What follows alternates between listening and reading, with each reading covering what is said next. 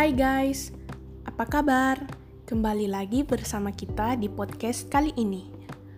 Pada kesempatan kali ini kita akan membahas teknologi industri 3.0 pada akhir abad ke-20.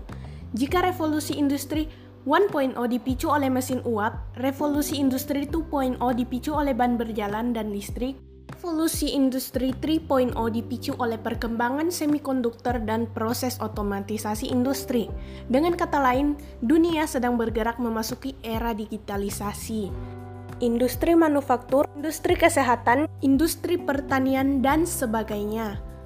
Perkembangan perangkat komputer yang begitu pesat hingga awal milenium kedua juga membawa perubahan signifikan dalam kehidupan manusia Ragam aktivitas sebagian besar manusia dimulai terintegrasi dalam perangkat komputer.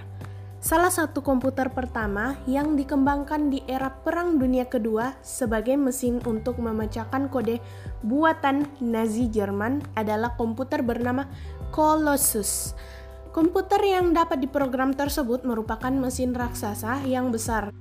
Nah, besarnya itu sebesar ruang tidur yang tidak memiliki RAM dan tidak bisa menerima perintah dari keyboard. Komputer purba tersebut hanya menerima perintah melalui pita kertas yang membutuhkan daya listrik sangat besar yaitu 8500 watt.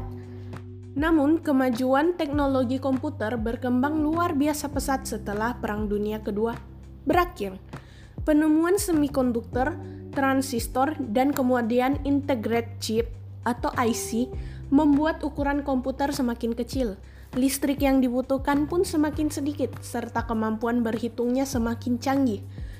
Mengecilnya ukuran membuat komputer bisa dipasang mesin-mesin yang mengoperasikan lini produksi. Komputer pun mulai menggantikan banyak manusia sebagai operator dan pengendali lini produksi. Otomatis, perlahan industri menggantikan peran manusia dalam prosesnya. Adanya perkembangan teknologi digital ini dapat mempermudah pekerjaan manusia, akan tetapi ada resistensi dari para pekerja yang merasa pekerjaannya terancam tergantikan oleh peralatan yang mampu bekerja secara otomatis tersebut. Di suatu sisi, apa yang terjadi di akhir abad ke-20 ini adalah hal yang baik. Otomatisasi dan digitalisasi yang terjadi di tahap ini memudahkan pekerjaan manusia, sehingga tak lagi membutuhkan waktu yang lama untuk menyelesaikan sebuah pekerjaan dan menghasilkan sebuah produk. Namun, di sisi lain, hal ini juga berdampak buruk karena berpotensi menggantikan peran manusia dan manusia kehilangan pekerjaannya. Dan memang begitulah yang terjadi kemudian. Pada revolusi industri ketiga, manusia tak lagi memegang peran penting abad industri pun perlahan-lahan berakhir. Sebagai gantinya dimulailah abad informasi.